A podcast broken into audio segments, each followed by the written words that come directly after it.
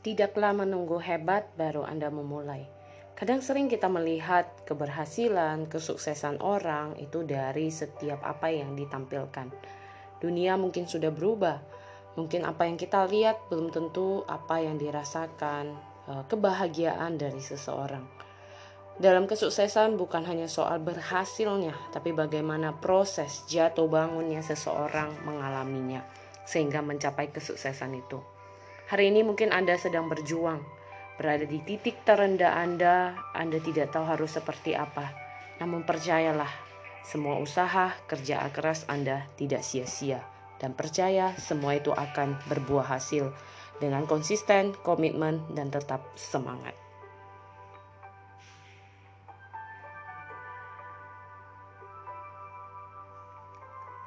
Ingat, teruslah berjuang untuk orang-orang yang Anda kasihi.